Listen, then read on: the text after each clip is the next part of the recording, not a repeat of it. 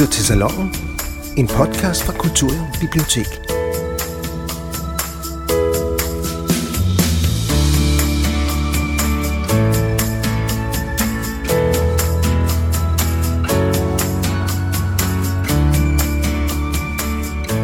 Så prøver vi sådan her.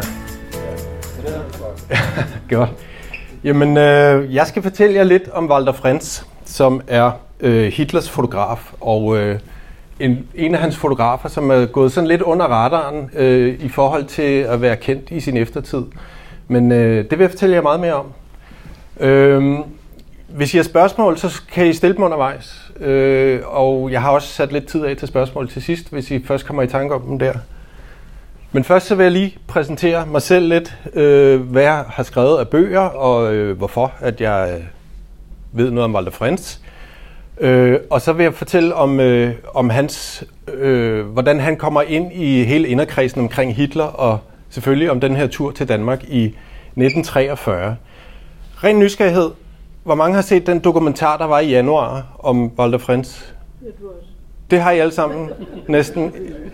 Jamen, øh, stik I ud bagved, fordi det er det samme, jeg vil sige. det er meget det samme, jeg kommer ind på, øh, fordi det er jo naturligvis det, der handler om, om hans tur til Danmark. Først så vil jeg lige præsentere mine egne udgivelser i al beskedenhed. Fordi jeg er jo, jeg er jo skønlitterær forfatter, jeg er ikke historiker.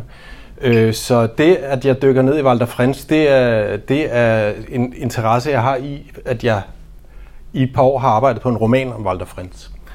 Øhm, men i virkeligheden, så, øh, så havde jeg aldrig planlagt, at jeg skulle være skønlitterær forfatter, eller forfatter overhovedet. Øhm, men jeg har altid interesseret mig enormt meget for 2. verdenskrig, og, øh, og har læst rigtig mange bøger om det, så du kan bare spørge Thomas, hvad I skal læse i læseklubben, så har jeg nok læst dem. Øhm, og jeg synes, jeg manglede nogle historier øh, om, hvad der foregik i Tyskland. Øh, sådan op til krigen og, og under krigen. Jeg vil rigtig gerne vide, hvorfor det bedre borgerskab ikke på en eller anden måde sagde fra over for, for nazismen, og altså dem, der havde adgang til industri og sådan noget, som ikke var nazister, fordi dem var der også rigtig mange af. Hvorfor, hvorfor sagde de ikke fra, og hvorfor var der ikke et større oprør mod det her? Øh, jeg ved ikke, om jeg nogensinde kommer frem til et svar, men jeg har i hvert fald skrevet en 400-siders roman om det. Øh, og øh, det er den, der hedder Vintermænd, og øh, det tog mig fire år, øh, fra jeg gik i gang til den, til den udkom. Og øh, den blev faktisk nomineret til, til Bogforums debutantpris, så, så helt skudt ved siden af har jeg nok ikke i, øh, i mit forsøg på at, at prøve at forstå det og prøve at, at forklare det. Øhm, to år senere, der kom den bog, der hedder Land i datid, som handler om Stasi-Tyskland, eller Østtyskland hed det jo også. Men, men den tager udgangspunkt i en Stasi-officer, som, øh, som hver dag går på arbejde og øh, føler, at han har gjort en god øh, dags arbejde, men når han kommer hjem, så, så har det faktisk gået ud over en masse mennesker. En, en meget praktisk mand, som løser den opgave, han bliver sat til, og desværre øh, for, for dem, som øh, han møder på sin vej, så, så går det ud over dem. Øh, den har også en dansk vinkel, fordi at øh, i 70'erne, der er en dansk kvinde, der kommer på et skolingsophold i, øh, i Østtyskland. Det var meget moderne blandt, blandt danske kommunister og sende sine børn og selv tage afsted på sådan et skolingsophold, hvor man øh, lærte alt om kommunismens herligheder. Og der, der møder ham staseofficeren, en dansk kvinde, og da hun tager hjem, så er hun gravid. Og øh, historien den handler om den søn, der kommer ud af det forhold, og staseofficeren. Et par år senere skrev jeg så den, der hedder Krigsturisten, som det er med alle mine bøger, så tager det udgangspunkt i en eller anden form for nysgerrighed, jeg selv har. I den første har jeg jo forklaret, i land i datid, der var det i virkeligheden fordi, at da Berlinmuren faldt, der var jeg 17 år, og, og jeg vidste faktisk ingenting om Østtyskland. Og øh, det vidste jeg så stadig ikke, da jeg nåede op i, i, en, i en voksen alder, hvor jeg var begyndt at skrive, og derfor var det en nysgerrighed, der drev mig også til at undersøge, hvad pokker det var. Øhm, krigsturismen, den, den, øh, den kom til, fordi jeg stødte på det begreb, der hedder krigsturisme. Og det er ikke den form for krigsturisme, som er, at man tager til en strand i Normandiet, eller en krigskirkegård i Verdun, eller et eller andet. Det er den form for krigsturisme, hvor man tager ned til en krigszone, hvor der er krig. Så man tager derned, mens der er krig. Og jeg synes, at det var så grotesk, så jeg begyndte at undersøge noget mere om det, og, og tænkte, at det var da i grunden mærkeligt, at vi er nået til, til et sted, hvor nogen tager ud øh, for deres underholdnings skyld, og, og tager ud til et sted, hvor de risikerer at dø, bare for at blive underholdt. Og få en på opleveren, simpelthen mærke sig selv. Så det, der kommer den her bog ud af, som handler om en, en gymnasielærer, der hedder Nils, som keder sig bragt i alt, hvad han laver. Han, øh, er, du, er du gymnasielærer? Eller? Nej, nej, nej, det er godt gymnasielærer. hedder Nils? Nej. Nej, han hedder Ole. Ole. Øh, men ham her hedder altså Nils, og han keder sig i sit ægteskab, og han keder sig på sit job, og alle fodboldkampe, han ser i fjernsynet, bliver 0-0, og sådan noget. Det hele er bare trist omkring ham. Så da han, da han øh, møder sin gamle gymnasiekammerat, som er krigsfotograf, så øh, aftaler de, at han skal prøve at tage med en tur til Libanon. Og der var, der var ikke krig på det tidspunkt, men øh, det er langt uden for hans comfort zone, så han opdager på en måde sådan det her kick, det giver at være øh, på så utryg grund, og, og han begynder at søge det mere og mere, og det bliver mere og mere ekstremt. Han tager til, øh, til Libyen, han tager til Mali, han tager til Ukraine og tager til Syrien, øh, fordi det skal hele tiden være vildere og vildere og mere og mere ekstremt. Og øh, om det går ham godt, det må I jo, det må I jo læse. Den, den sidste bog, jeg har udgivet, den, øh, det, er, det er faktisk en lydbog. Den er også udkommet i trykform, men den er egentlig skrevet som lydbog, fordi det er jo ligesom det nye sort, at alle hører lydbøger nu her. Det er jo, det er jo ret nyt. Og det synes jeg jo kunne være ret sjovt at prøve at, at udforske, også som forfatter, at det er en anden måde at skrive på. Jeg havde en idé, som på ingen måde egnede sig til en klassisk roman, fordi det sidste, den, den, det sidste jeg gør i hver afsnit, det er at slå hovedpersonen ihjel. Øh, og det lyder måske mærkeligt, at der kan komme en bog ud af det, men det gør der altså. Øh, så den passede ret godt til lydbogsformatet, fordi at det var meningen, at den skulle komme i seks afsnit øh, med en uges mellemrum. Og det med at slå hovedpersonen ihjel, det var i virkeligheden sådan et psykologisk projekt, jeg satte mig for. Fordi at øh, det værste, man kan gøre som menneske, det er vel at slå et andet menneske ihjel. Øh, kunne jeg så... Øh, ja, det skal lige siges, at i næste afsnit, der fulgte man så gerningsmanden, som så blev slået ihjel. Og så fulgte man gerningsmanden, og, og sådan. Og det foregår i 2. verdenskrig. Og jeg tænkte, kan jeg som forfatter, kan jeg lykkes med, at det første læseren ved, om den person er, at de har slået en anden ihjel, kan jeg vende sympatien, så når vedkommende dør sidst i det her afsnit, at, øh, at læseren sidder og tænker, ej, det skete bare ikke. Øh, læs, lyt, øh, bedøm selv. Øh, Fyns Amtsavis gav den 6 ud af 6 stjerner, så for, for mig var det godt nok, kan man sige. Øh, den er kommet i trykform, men hvis I skulle få lyst til at, at læse den, så synes jeg afgjort, at I skulle lytte til den. Og det kan man på lidt reklame. E-regionen, bibliotekernes e-regionen, der ligger den til gratis aflytning. Øh, alle afsnit. Og den er indtalt af Lars Brygman, og det gør den jo absolut ikke dårligere, synes jeg. Øhm, I virkeligheden, så når man siger Adolf Hitlers fotograf, så er der ikke nogen, der tænker på Walter Frenz. Så tænker alle på ham her, som hedder Heinrich Hoffmann. Han var Hitlers hoffotograf og hed Hoffmann. Det var meget sjovt. Øh, men i virkeligheden er det ham, der har øh, taget rigtig mange af de billeder, man kender af Hitler, de tidlige billeder.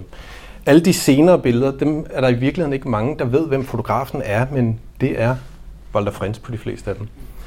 Øhm, men jeg vil lige prøve at introducere Hoffmann først, fordi så kan I se en stor forskel, der er i de her to øh, fotografers øh, præsentation af Hitler. Øhm, Hoffmann han mødte Hitler i 1919, og, øh, og var, han blev øh, nazistpartiets officielle fotograf i 1921, og han var med under Ølstuekubet i, i 23, så han har været med hele vejen for, for Adolf Hitler. Øh, og så var han også manden, der introducerede Hitler til Eva Braun. Det har nok også givet ham en høj stjerne. øh, desværre for Hoffmann selv, så gik han mere og mere i druk øh, i løbet af, af slut 30'erne, 40'erne, og han blev mere og mere kørt ud på et sidespor og var kun med i Hitlers inderkreds i kraft, i kraft af, at han, han gik med Hitler så langt tilbage. De billeder, han, han har taget af Hitler, det er sådan nogle meget, meget klassiske propagandabilleder, som, øh, som viser ham som den store statsmand og det store statsoverhoved. Og oftest er de taget sådan øh, lidt nedefra og op, så det gør Hitler endnu mere mægtig, øh, og folket og beskueren øh, endnu mere ydmyg omkring det. Øh, det er ret klassisk, at mange af hans billeder, de er simpelthen, jeg tror, han ligger og kravler rundt på knæ hele tiden og, og fotograferer Hitler. Men netop for at, at skabe den her store mand.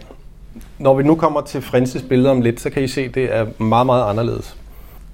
Men i virkeligheden så lå det aldrig i kortene, at Walter Frens han skulle, øh, han skulle blive fotograf, og slet ikke Hitlers fotograf.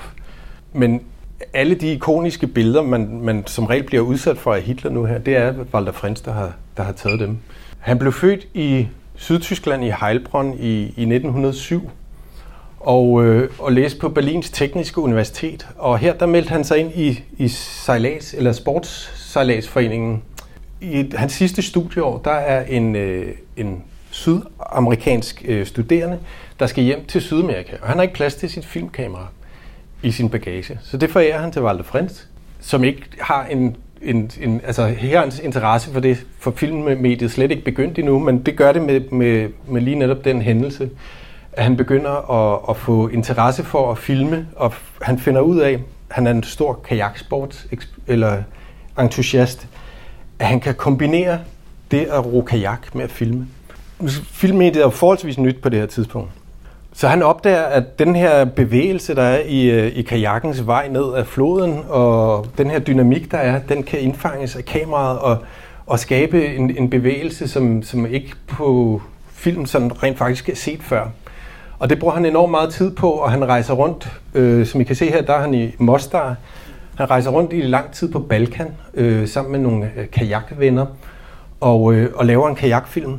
Øh, og den, den bliver faktisk øh, den bliver vist i biograferne på et tidspunkt, den her film. Øhm, og folk begynder sådan langsomt at få, få finde ud af, at der er en mand, der hedder Walter Frens. Øh, I kan godt høre, at han er langt fra at lave propagandafilm for Hitler her. Ikke? Den hedder Wasser hat Balkan, den her film, og bliver vist i biografen samme år, 1933, som Hitler kommer til magten. Og tilbage til den her sejlsportsforening, fordi her der møder han nemlig Albert Speer, Speer, han var jo... Han, han er to år ældre end Frans, men de bliver gode venner. Og faktisk har jeg fundet frem i nogle tyske arkiver til, at, øh, at de to de skriver til hinanden, breve til hinanden, helt op til 81. Og hvorfor skriver det ikke længere? Det er fordi Speer han dør i 81. Så de, de holder simpelthen kontakten ved lige, helt op til, til Speer han dør.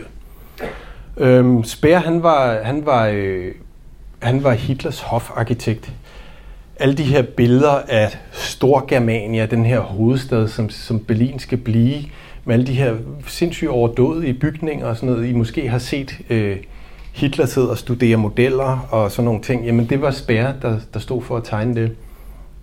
Og det samme skulle der ske i Wien og Linz og en masse tyske byer, som skulle, øh, som skulle have de her helt overdådige øh, bygninger. Øh, det var også øh, Spær, Speer, som, som lavede en masse af Berlin om op til Hitlers 50-års fødselsdag, fordi at, øh, han skulle have et nyt Berlin i gave og sådan nogle ting, og man omlagde øh, gader og alt muligt for, at Hitler han skulle blive glad på sin fødselsdag.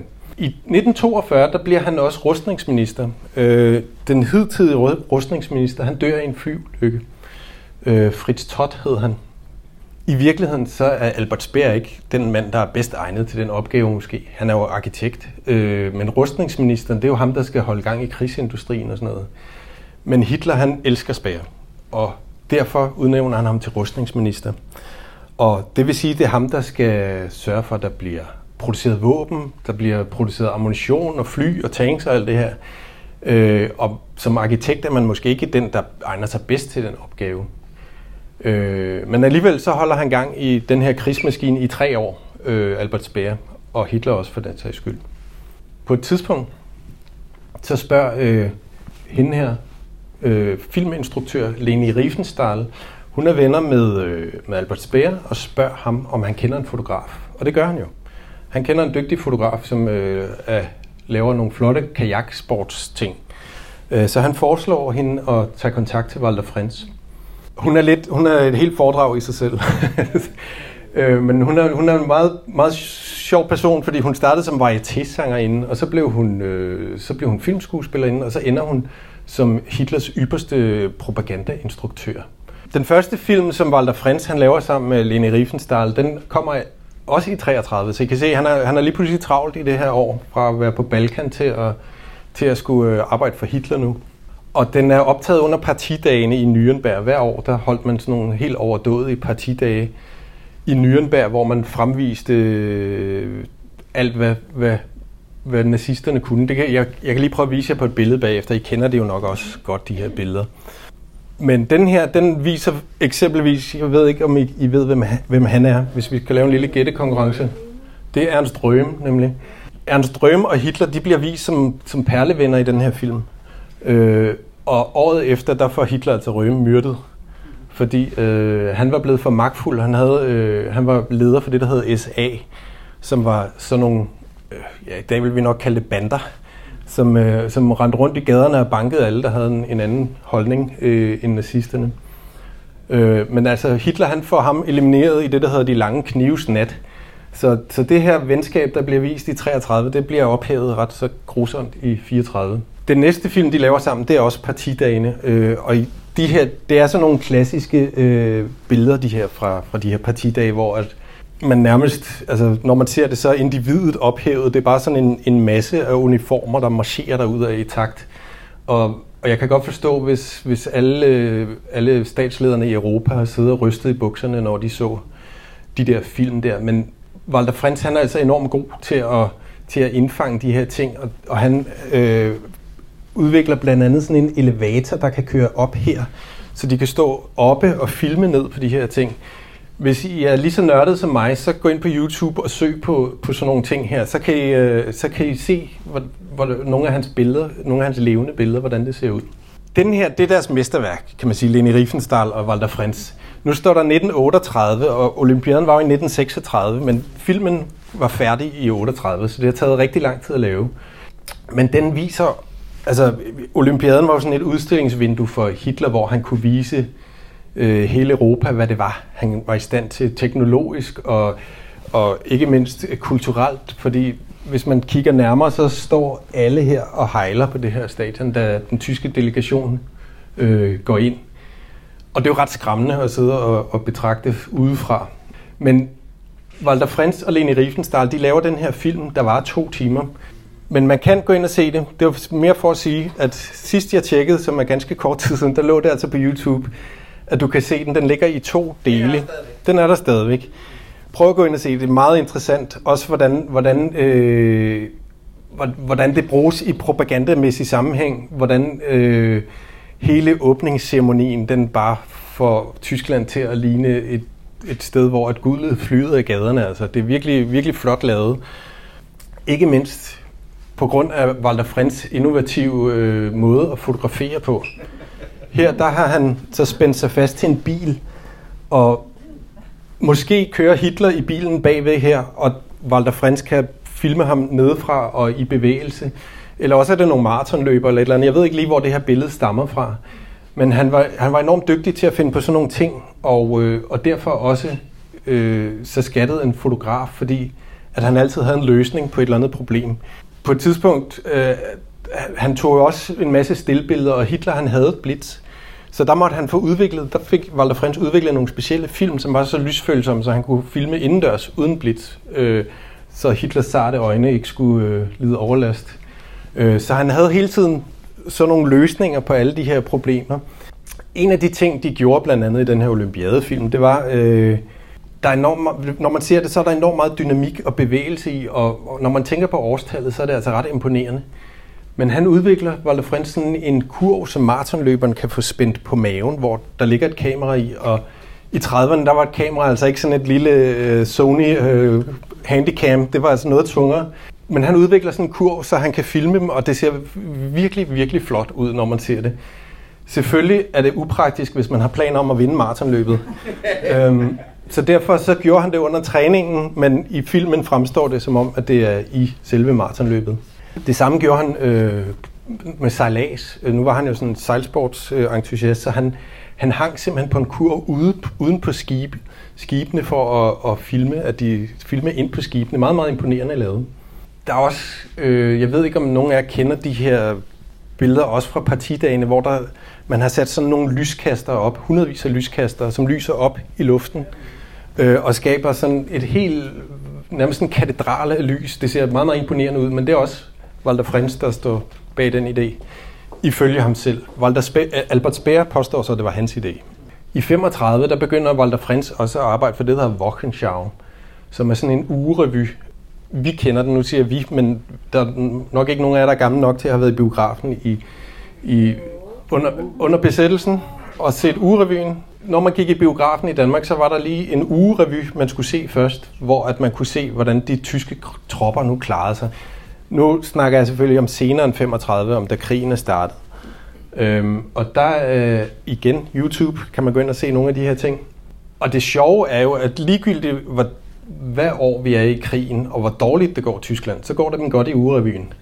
øh, og det er, jo, det er jo ret imponerende, at de sådan kan, kan fremstille øh, selv det største nederlag som en sejr. Men igen, de her ugerevyer, de var lavet til at, de var lavet til at, at opildne den tyske befolkning og, og vise dem, at, at Hitler havde styr på det og sådan.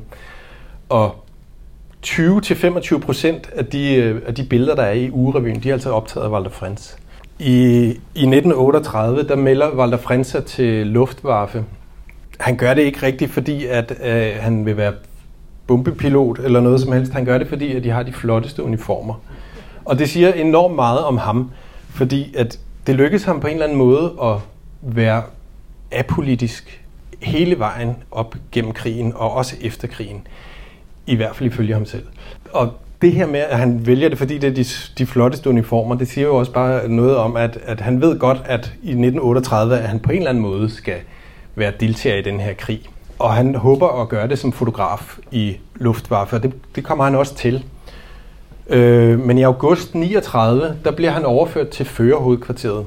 De manglede en fotograf. Ifølge ham selv, der bliver han valgt på grund af sin højde. Øh, de to andre, der var til, jeg ved ikke om det var sådan en jobsamtale eller hvad det var, men de var i hvert fald tre, der var blevet indkaldt. Og det var Frens, han er 1,94, så havde han et meget bedre overblik end de andre. Øh, så derfor bliver han valgt, altså det er Walter Frens selv, der fortalte den her historie. Derfor bliver han valgt til, til at være, øh, være fotograf i hovedkvarteret. Og når man snakker om førerhovedkvarteret, så snakker man ikke om et specifikt fysisk sted. Man snakker om der, hvor Hitler han er. Øh, og det var som oftest her i, i Berghof, i Berchtesgaden i Sydtyskland, eller øh, Myggesumpen i Polen, der hed Ulveskansen. Øh, det var de to steder, hvor, hvor Hitler han mest opholdt sig under krigen. Og faktisk var han øh, i Ulveskansen i, øh, i mere end 800 dage under krigen, så det er jo hvert fald nærmest halvdelen af krigen, han er der. Øhm, men Walter Frens, han tiltræder sin nye, øh, sin nye rolle her øh, som, som fotograf, øh, få dage inden, at, at tyskerne de går ind i Polen. Så han er altså med hele krigen. Og det betyder jo så, at han kommer meget, meget tæt på Hitler. Og han nyder en helt særlig frihed i, øh, i det her hovedkvarter, fordi Øh, for det første så udstyrer man ham med et specielt pressekort, der gør, at alle døre åbner sig for ham. Altså, det, det svarer til, at Hitler kommer på besøg, når han kommer med det her pressekort. Og samtidig så, øh, så er han faktisk, det lyder mærkeligt, men han bliver den, der er mest velinformeret om krigen, Walter Frenz. Øh, mere end Hitler. Tidligere end Hitler i hvert fald. Og det, gør, det, det er fordi, at man vil gerne have, at Walter Frins han fanger Hitlers reaktion på en nyhed på sit kamera er der nogen af jer, der kender, nu, jeg spørger tit mange gange ud, om der er nogen, der kender det her lille dansetrin, han laver Hitler, hvor, ja, lige netop, der har en officer lige været henne og prik Walter Frins på skulderen og sige, nu skal du lige kigge hen på Hitler, fordi nu giver han en god nyhed. Og så fanger han det her på sit kamera, det her lille dansetrin. Og sådan var det, at Walter Frens han fik lige tingene at vide før, så han kunne, så han kunne filme Hitler eller, eller fotografere ham. Nu vil jeg prøve at vise jer nogle af de her billeder, som, øh, som Walter Frens har taget Prøv at vise jer dem over for de her billeder, vi så af Hoffmann lige før. I kan godt se, at det er en væsentlig anden Hitler. Øh, og noget mere betænksom Hitler. Der er selvfølgelig flere grunde. Øh, Hoffmann, han er med helt fra start af, og der går det op og op og op, og det hele det går godt.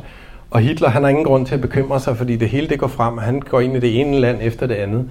Her, de her billeder, de er taget fra 43 og efter og der går det jo for alvor tilbage for Hitler. Øh, men det, der er meget, meget bemærkelsesværdigt ved de her, det er, at Hitler lader sig fotografere. At, at Walter Frens får lov til at komme så tæt på. Altså, øh, det, er jo, det er jo ikke nogen billeder, man, man tænker, at skal i øh, der Vaterland eller sådan en eller anden avis, fordi at, øh, hvis, øh, hvis den menige tysker ser, at Hitler han, han, øh, han ser lidt betænksom ud, jamen så tror de jo nok, at krigen er ved at gå den forkerte vej. Men grunden til, at han får lov til det, det er, at de skulle faktisk aldrig offentliggøres, de her billeder. Øh, han var jo primært filmfotograf, Frans, men tog så også med sit, øh, med sit stillbilledkamera. Øh, og selvom, man kan sige, selvom de ikke skulle offentliggøre, så er det alligevel bemærkelsesværdigt, at han får lov til at, at være der. At han er så tæt på Hitler. Og Hitler ikke siger, hey, prøv at høre, jeg er faktisk lidt ked af det, smut lige. Øh, men han hele tiden får lov til at være der, men det, det, han var bare sådan hele tiden sådan en flue på væggen, Walter Frens, som, som jeg tror efterhånden så lagde ikke mærke til ham, fordi han var der bare. Han kom også helt tæt på alle de andre i hovedkvarteret, øh, ikke mindst Eva Braun, som han bliver meget, meget gode venner med. Jeg synes, de er meget gode, de her billeder, fordi de, de viser sådan en helt anden... Øh, altså, det er sådan en... Der er sgu ikke krig der, vel? Øh, Eva Braun står og spiller bordtennis og kæler med sin hund og sådan noget. Og det var ret typisk for alle de her billeder, der, der, der er taget i Berghof i Sydtyskland, som er et af de mest naturskønne områder. Øh, virkelig, virkelig smukt sted. Hvis I nogensinde får chancen, så tag der ned. Det er virkelig, virkelig flot. Og de gemte sig lidt der indimellem, for at komme på afstand af krigen. Og det, det, kan, de, det kan man tydeligt se på de her billeder, at de prøver at tænke på, på alt muligt andet end krigen. Eva Braun og Walter Frens, de havde også en fælles interesse i, i at fotografere og filme.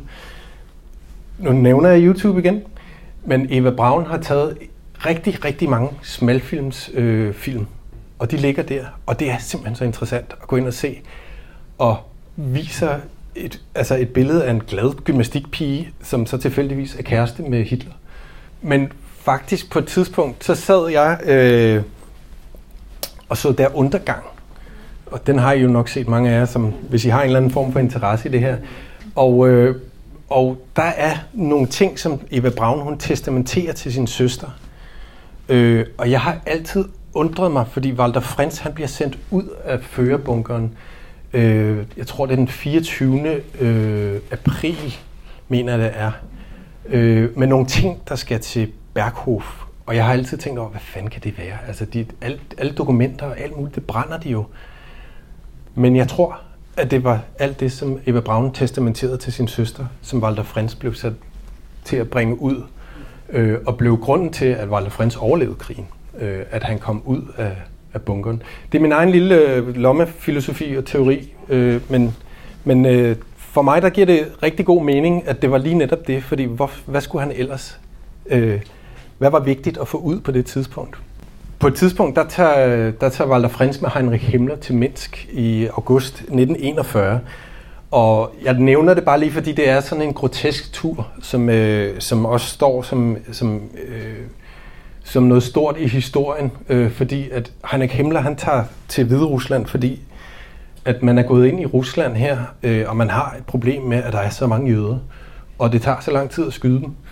Så den her, det er simpelthen en studietur, hvor de tager, hvor Walter Frens tager med Himmler til, til Hvide Rusland for at finde ud af, hvordan de effektiviserer drab på jøder. Walter Frens har selv bagefter, øh, først så siger han i et interview, at han ikke var med, så var han med, men filmede ikke. Øh, man kan se en film på YouTube, hvor han filmer. Øh, det kan jeg tydeligt se, fordi jeg nu kender hans stil. Det er Walter Frens, der har filmet det.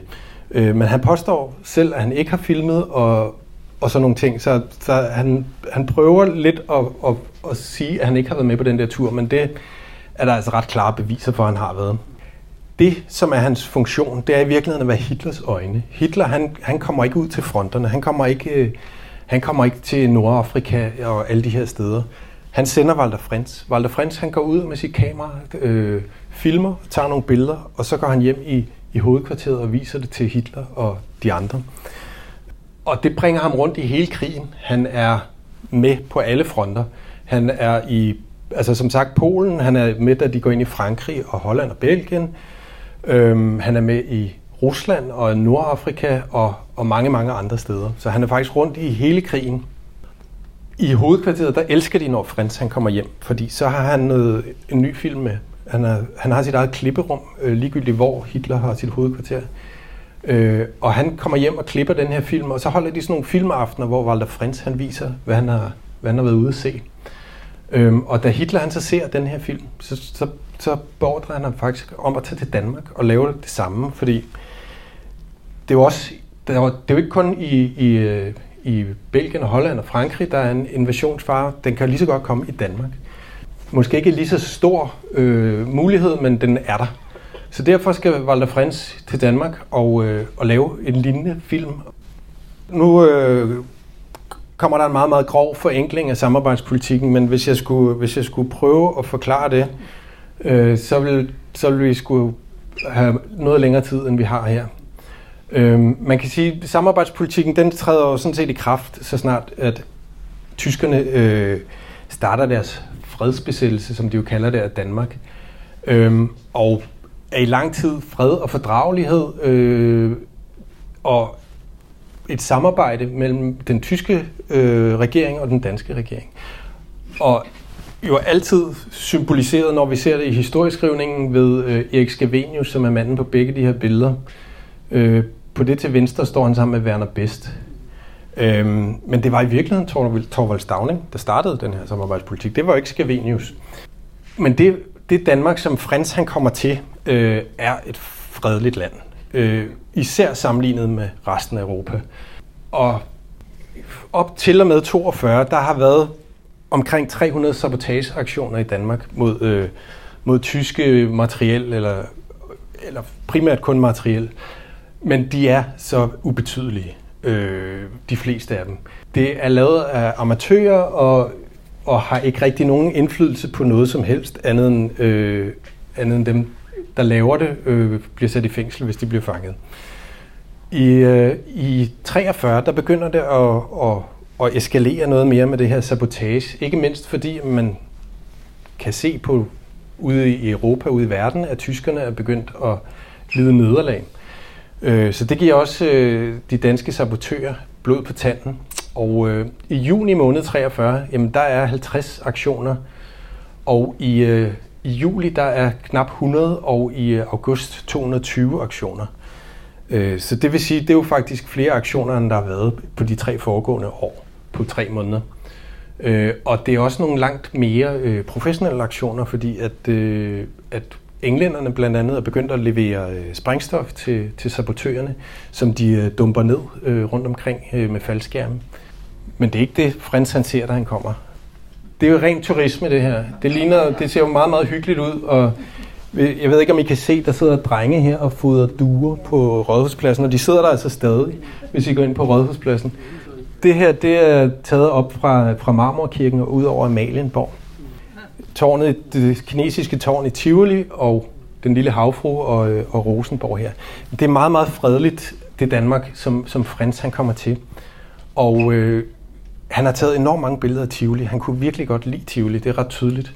Og det er meget, meget sjovt. Det giver et, et sjovt tidsbillede at sidde og se de her billeder, fordi at der går tyske soldater rundt mellem familierne, der spiser is, og altså, der, er ikke, der er ikke skyggen af, af fjendskab på de billeder i hvert fald. Og det samme, da, da Walter Frans begynder at rejse lidt rundt i Danmark, så er det sådan et hyggeligt ferieland, han kommer til at rejse rundt i. Det nederste her, det, det er Bellevue. Der, han har taget nogle fantastiske billeder ude på Bellevue og af danskere, der bare slapper af og sådan noget. Og det, det ser virkelig, virkelig hyggeligt ud. Og ligner ikke et, et, et, et, et land, der, der få uger efter øh, indleder det, der hedder Augustoprøret. Jeg kan lige prøve at vise hans rute rundt i Danmark, fordi han kommer faktisk rundt i hele Danmark. Han lander i Kastrup. Ud fra billeder har jeg kunne placere, hvor han har været. Han er i Helsingør, han er på Fredensborg og Frederiksborg Slot, han er øh, Roskilde Domkirke, han er i Odense, og så kommer han over til Silkeborg, fordi han skal have sådan nogle øh, godkendelser, fordi alt det her, øh, de her, øh, hvad hedder det, Vesterhavszoner og, og også heroppe, det var, det var militært område, så der skulle man have nogle specielle tilladelser. Som ikke engang, så ikke engang som Hitlers udsending kunne han bare gå ind, fordi det var, det var lukket land. Så han skal til Silkeborg og have nogle, øh, nogle øh, bestemte afspejs, som det hed. Så er han i Esbjerg, og så tager han hele vejen op langs kysten her til Hanstholm, op til Skagen og til Frederikshavn, og så slutter han i København igen. Øhm, så han kommer vidt omkring i Danmark og får taget temmelig mange billeder af, alle de her øh, værker, forsvarsværker. Kanoner, øh, maskingeværstillinger, alt muligt. Det her, det er en af de store kanoner oppe i Hanstholm. Der stod sådan fire øh, kæmpe kanoner, som kunne skyde øh, 55 km, tror jeg det var, øh, ud i Skagerak, og på, på den norske side, der stod nogle tilsvarende, som skød den anden vej, så, øh, så, man, så, så de allierede ikke kunne sende skibe igennem der. Men når jeg så har kigget på de her billeder, så tænker jeg, hvad pokker kan de se hjemme i hovedkvarteret af den der kanon der? Andet end det er noget flot diagonal og sådan noget. Altså, i virkeligheden, så, så, så er det mere en kunstfotograf, de har sendt ud, synes jeg, når jeg ser det. Jeg ved, jeg ved ikke, hvad de skulle kunne få ud af det. Øh, hvis det ikke er tegnet ind på nogle kort og alt muligt, hvor den her dækker, dækker hvad, altså, hvor den her kanon, hvad den dækker og sådan nogle ting, så, så er det nok lidt svært at få noget ud af det. Han er rundt i hele Danmark, som sagt, og her der er han faktisk på vej ud på flakfortet, som noget af det sidste, han, han gør. Og øh, nu har jeg fået alle billeder, han har taget i Danmark, og der er det jo ikke sådan, at man bare, øh, ligesom man tager digital foto i dag, så kan man sidde og navngive dem bagefter, så de ligger jo faktisk i den kronologi, de er taget. Øh, så det er jo ret bekvemt for mig, når jeg nu skulle sidde og undersøge det, at jeg sådan kunne følge kronologien i billederne på den måde. Nu har jeg selv prøvet bare for sjov at stå nogle af de samme steder. Det her, det er, det er fuglefjerdet fjellet op ved Bulbjerg, øh, hvor jeg skulle prøve at se, om jeg sådan nogenlunde kunne finde ud af, hvor, øh, hvor Walter Frans havde stået. Men mens han tager rundt her, det hele ser jo meget fredeligt ud, så sker der altså rigtig mange ting rundt omkring.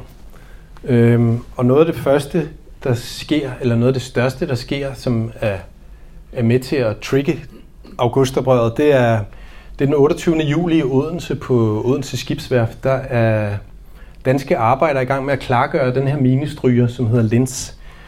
Og en af de her arbejdere, han er med i en øh, modstandsgruppe. Så øh, da han tager på arbejde den ene morgen, der har han både madpakke og en bombe med i tasken. Og øh, den bombe, den fastgør han til skibssiden, og der bliver sprængt et, et kæmpe hul i, i skibssiden. Øhm, det gør selvfølgelig den tyske kommandant i, i Odense rasende. Øhm, og han beordrer øh, bevæbnede vagter på hele skibsværftet. Øhm, det bliver, det bliver arbejderne som omvendt sure over, fordi det, det vil de ikke arbejde under sådan nogle forhold, og de bruger det eneste våben, de har. De begynder at strække. Øh, og den her minestryger, den skal jo altså, nu, nu er arbejdet på den blevet endnu større, og den skal altså sendes afsted. Øh, så det kan tyskerne jo heller ikke have. Men det er ikke bare på skibsværftet, de strækker. I, rundt omkring i byen, der begynder øh, andre virksomheder at gå i sympatistrække. Øh, så det spreder sig rundt i byen, og tyskerne øh, bliver mere og mere, at det bliver en mere og mere penibel situation for tyskerne. Og øh, den 5. august, der ender det faktisk med, at tyskerne giver op, kan man sige. De øh, fjerner vagterne igen for at få skibsværftet og resten af byen tilbage i arbejde. Øh, og det er jo noget af en sejr, kan man sige, for, for danskerne. Øh, og den sejr, den, øh, den hører man jo andre steder i Danmark. Blandt andet i Esbjerg. Fordi natten mellem den 5. og 6. Altså nu siger vi, at de går i arbejde igen den 5. august. Natten mellem den 5. og 6. der er en enorm, kæmpe aktion i Esbjerg, en sabotageaktion, hvor at, øh, man sætter ild til, øh, til en masse fiskekasser, en masse lagerhuse på havnen, og der brænder mere end 400.000 fiskekasser. Fiskekasserne, de skulle bruges til at eksportere øh, fisk til Tyskland. Danmark var i virkeligheden øh, en stor leverandør af, af mad til Tyskland, øh, og det her er et forsøg på at at sætte en kile ind der. Desværre så får det ikke nogen effekt, altså rent fiskeeksportmæssigt, men det får den effekt, at resten af byen øh, de støtter op omkring det her, fordi tyskerne de indfører undtagelsestilstand. De har lige hørt, hvad der skete i Odense. Så de skynder sig at sørge for, at der ikke er nogen, der kommer på gaderne øh, og indfører øh, spærretid og alt muligt, og folk er ligeglade. De, det, det nægter de at finde sig i de har jo også hørt, hvad der skete i Odense. De har også hørt, at, at de kan kæmpe mod, mod tyskerne. Så der begynder at komme kampe rundt omkring i Esbjerg by, og, øh, og, og den her frygt, man tidligere har haft for tyske soldater, den forsvinder altså lige så langsomt, fordi at, øh, man har jo hørt, at tyskerne er til at besejre nu her, både øh, ved hjælp af, af strækker, og også øh, ude på alle fronter. Så noget af det ser sådan her ud. I har sikkert set de her billeder og, og hørt den her historie før. Men alt det her, det sker jo, mens Walter Frens han er i byen. Eller ikke i byen, i landet. Øh, og det undgår han jo naturligvis ikke at høre. Det bliver jo også sådan, at hvis man er tysk soldat, så bliver man frarådet at gå alene rundt. Øh, eller sågar to og to rundt i, i de danske byer, fordi at man ved ikke, hvad der sker, om man bliver overfaldet eller hvad der sker. Og faktisk, så er der selv det hotel, som Walter Frens han bor på i Esbjerg. Og det var officershotel for de tyske officerer. Og der blev Frans indkvarteret, da han, øh, da han kommer til byen. Og jeg ved med sikkerhed, at han er der den 3. august, så han kan også meget sagtens, eller han kan også sagtens have været der den 5. august og den 6. august, øh, da de andre ting sker. Men i gården på det her hotel, der er nogle sabotører, der sætter ild til nogle lastbiler. Og det gør de, for at benzinen skal antænde hotellet, og hotellet skal brænde ned. Så det vil sige, at det er faktisk et stort anslag mod tyske officerer. Og øh, jeg er ret sikker på, at Frans han har fået sådan en forskrækkelse, da han er vågnet i sin seng den her nat, og, og set, der var ild i gården. Han har ikke taget nogen billeder overhovedet af noget augustoprør i Danmark. Øh, det her ved vi, at han har oplevet selv. Walter Frans, han vender tilbage til, øh, til Ulveskansen den 21. august. Han har været i Danmark i hvert fald fra den 3. august, ved vi med sikkerhed, men han har også været der et stykke tid før, så han har opholdt sig øh, nogle uger i Danmark, og det er nogle af de uger i Danmarks historie, som vi refererer mest til, når vi snakker om 2. verdenskrig øh, og besættelsen. Og det kommer han hjem og fortæller Hitler om nogle af de her ting, der er sket i Danmark. Den 21. august, der er det hans fødselsdag, øh, Walter Frens. Og det er en tradition i hovedkvarteret, at man så får lov til at sidde til bords med Hitler. Så han får lov til at sidde ved siden af Hitler, og han får lov til at, øh, at få lidt opmærksomhed fra, fra alle de høje herrer. Hitler han spørger naturligvis til den her, øh, til den her tur, han fotograf har været på. Han har selv sendt ham afsted, så han ved jo naturligvis, han har været der. Og, øh, og han fortæller om sine oplevelser. Øh, det er dokumenteret i flere bøger, blandt andet i Werner Bests øh, biografi, øh, om hvordan den her løjtnant kommer hjem og fortæller øh, Adolf Hitler de her ting. Øh, og han fortæller selvfølgelig om det her attentat, der har været mod hans, hans eget hotel. Øh, og han fortæller om en, øh, en episode med en, en løjtnant, øh, løjtnant Wieseler hedder han, som er øh, på overlov fra Norge. Øh, han ved ikke, hvad der foregår i Danmark. Så intet af der stiger han af toget for at gå sig en tur og strække benene lidt i Odense, øh, indtil en folkemasse får øje på ham og kaster sig over ham. Øh, og han trækker sin pistol og skyder to drenge, som bliver såret. Men bliver gennembanket af den her folkemasse, og han må have syet sit øre på igen bagefter og sådan noget. Så, så det, det var ikke helt en skoledans, det der i hvert fald. Når Hitler han hører sådan noget, så er det naturligvis et direkte angreb på Hitler. En tysk soldat, der får sådan en behandling, det er direkte angreb på Hitler, så han bliver naturligvis rasende. Og hvad er det for en Hitler, der får den her historie vide? Det er jo ikke ham Hitler, vi så på, øh, på Hoffmans billeder. Det er jo ham, vi ser på Frances billeder. Den her øh, betænksomme mand. Og det kan man jo godt forstå. Altså, Frans kamera har jo hele tiden kunne fange øh, hans sygdomsudvikling. Man kan sige, det, det, øh, hvis der er en, der har set Hitlers øh, sygdomsudvikling, så er, det, så er det kameramanden, som har siddet i klipperummet med timevis af timevis af foto og filmklip af, af Hitler. Så han har vidst, hvad det er for en, at det, er en, det er en syg om en mere og mere nedbrudt Hitler. 1943 har ikke været Hitlers år. I starten af februar, der overgiver de sidste tropper i Stalingrad sig, og de mister, øh, mister en kvart million mand, som bliver enten dræbt eller sat i, i russiske fangelejre. Og øh, i maj, der, øh, der bliver de sidste italienske og tyske tropper, de bliver smidt ud af Nordafrika. Øh, den 10. juli, der går, øh, der går øh, de allierede i land på Sicilien og senere på det italienske fastland. Og i så hans ven før, Benito Mussolini. Han bliver sat i husarrest, øh, så han mister reelt set magten over Italien. Og Benito Mussolini var den allernærmeste allierede for, øh, for Hitler. Og så kommer øh, den her løjtnant hjem og fortæller om Danmark også. Altså Hitler han er presset fra øst, hvor russerne kommer. Han er presset fra syd, hvor de allierede er gået i land i Italien. Han er presset fra, fra vest, hvor, at, øh, hvor den her invasionsfare hele tiden har, har stået. Og nu er der, Gud hjælp med, også ved at ske noget i, øh, i nord i Danmark. Øh, så han bliver naturligvis rasende. Øh, Og man kan sige, burde han ikke have vidst det i forvejen, Hitler? Øh, jo, men den version, som Hitler han har fået af Werner Best, som er ansvarlig i Danmark, det er en helt anden historie om, at det er der jo helt styr på. Øh, Werner Best, man kan godt forstå ham, hvis han, hvis han siger, ja, ved du, jeg har sgu ikke styr på det her oppe i Danmark, så er han en, så er han en død mand, eller en fyret mand. I, i, øh, han har i hvert fald mistet sit job og er blevet degraderet til et eller andet skrivebordsjob, sikkert, hvis han siger sådan. Så han påstår, at der er, der er styr på det. Øh, der har været lidt, men de er nedkæmpet det, eller hvad de nu kalder det. Øhm, og så kommer Walter Frens hjem og fortæller noget helt andet. Og i virkeligheden, så hvis man kender lidt historien omkring Hitlers, øh, hvem, han, hvem han efterhånden stoler på her i 43, jamen så, øh, så stoler han mere på den her løjtnant, som, øh, som ikke har nogen som helst politisk agenda, end, øh, end, end sine generaler og sine, øh, sine øverstbefalende.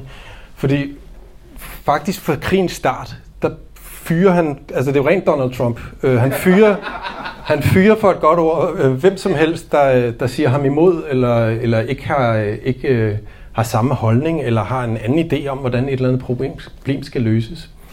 Øh, han, han, han fyrer den øverstbefalende for, for hæren, og sætter sig selv i stedet. Og han var jo så kun korporal fra 1. verdenskrig. Der har nok været en mere kompetent mand end ham. Men han påtager sig selv ansvaret. Og til sidst er han jo kun omgivet af de her folk, der taler ham efter munden, og det er jo ikke de bedst egnede folk.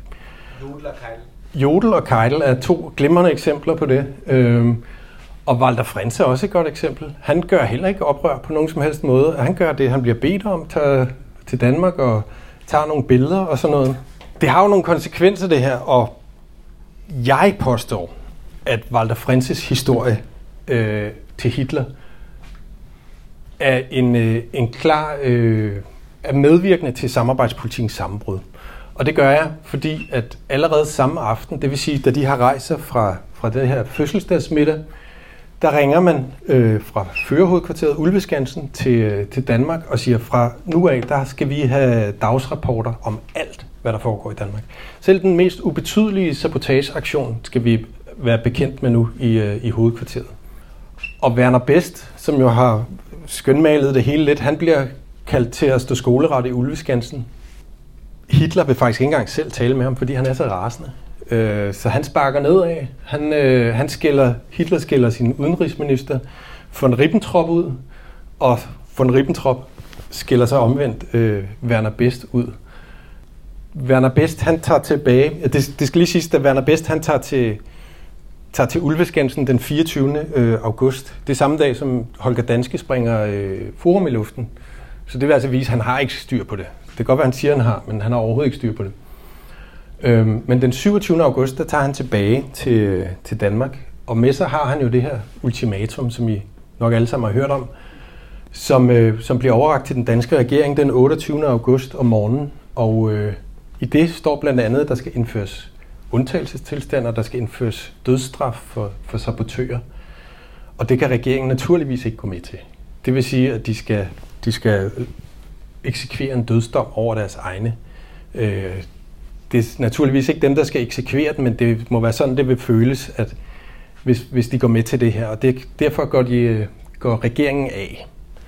Og så starter der en ny tid i Danmark, og man kalder det samarbejdspolitikens sammenbrud, og det er sådan en, en dejlig historie, når vi fortæller os selv, at det var den dag, danskerne sagde fra over for tyskerne, men det, det, er, jo, det er jo også et skønmaleri, eller, eller bedst, når vi kalder det det. Og at samarbejdspolitikken brød sammen, er jo også lidt en løgn, fordi den fortsatte jo. Altså den fortsatte jo, nu var det bare et embedsmandsvælde, eller hvad vi kalder det, i stedet for. Men, øh, men det er jo dejligt i historieskrivning, at man kan man kan gå og klappe sig selv lidt på ryggen, og det kunne da være rart, hvis, hvis det var den dag, at hele det danske folk sagde fra over for, for Tyskland, men det, jeg køber den ikke.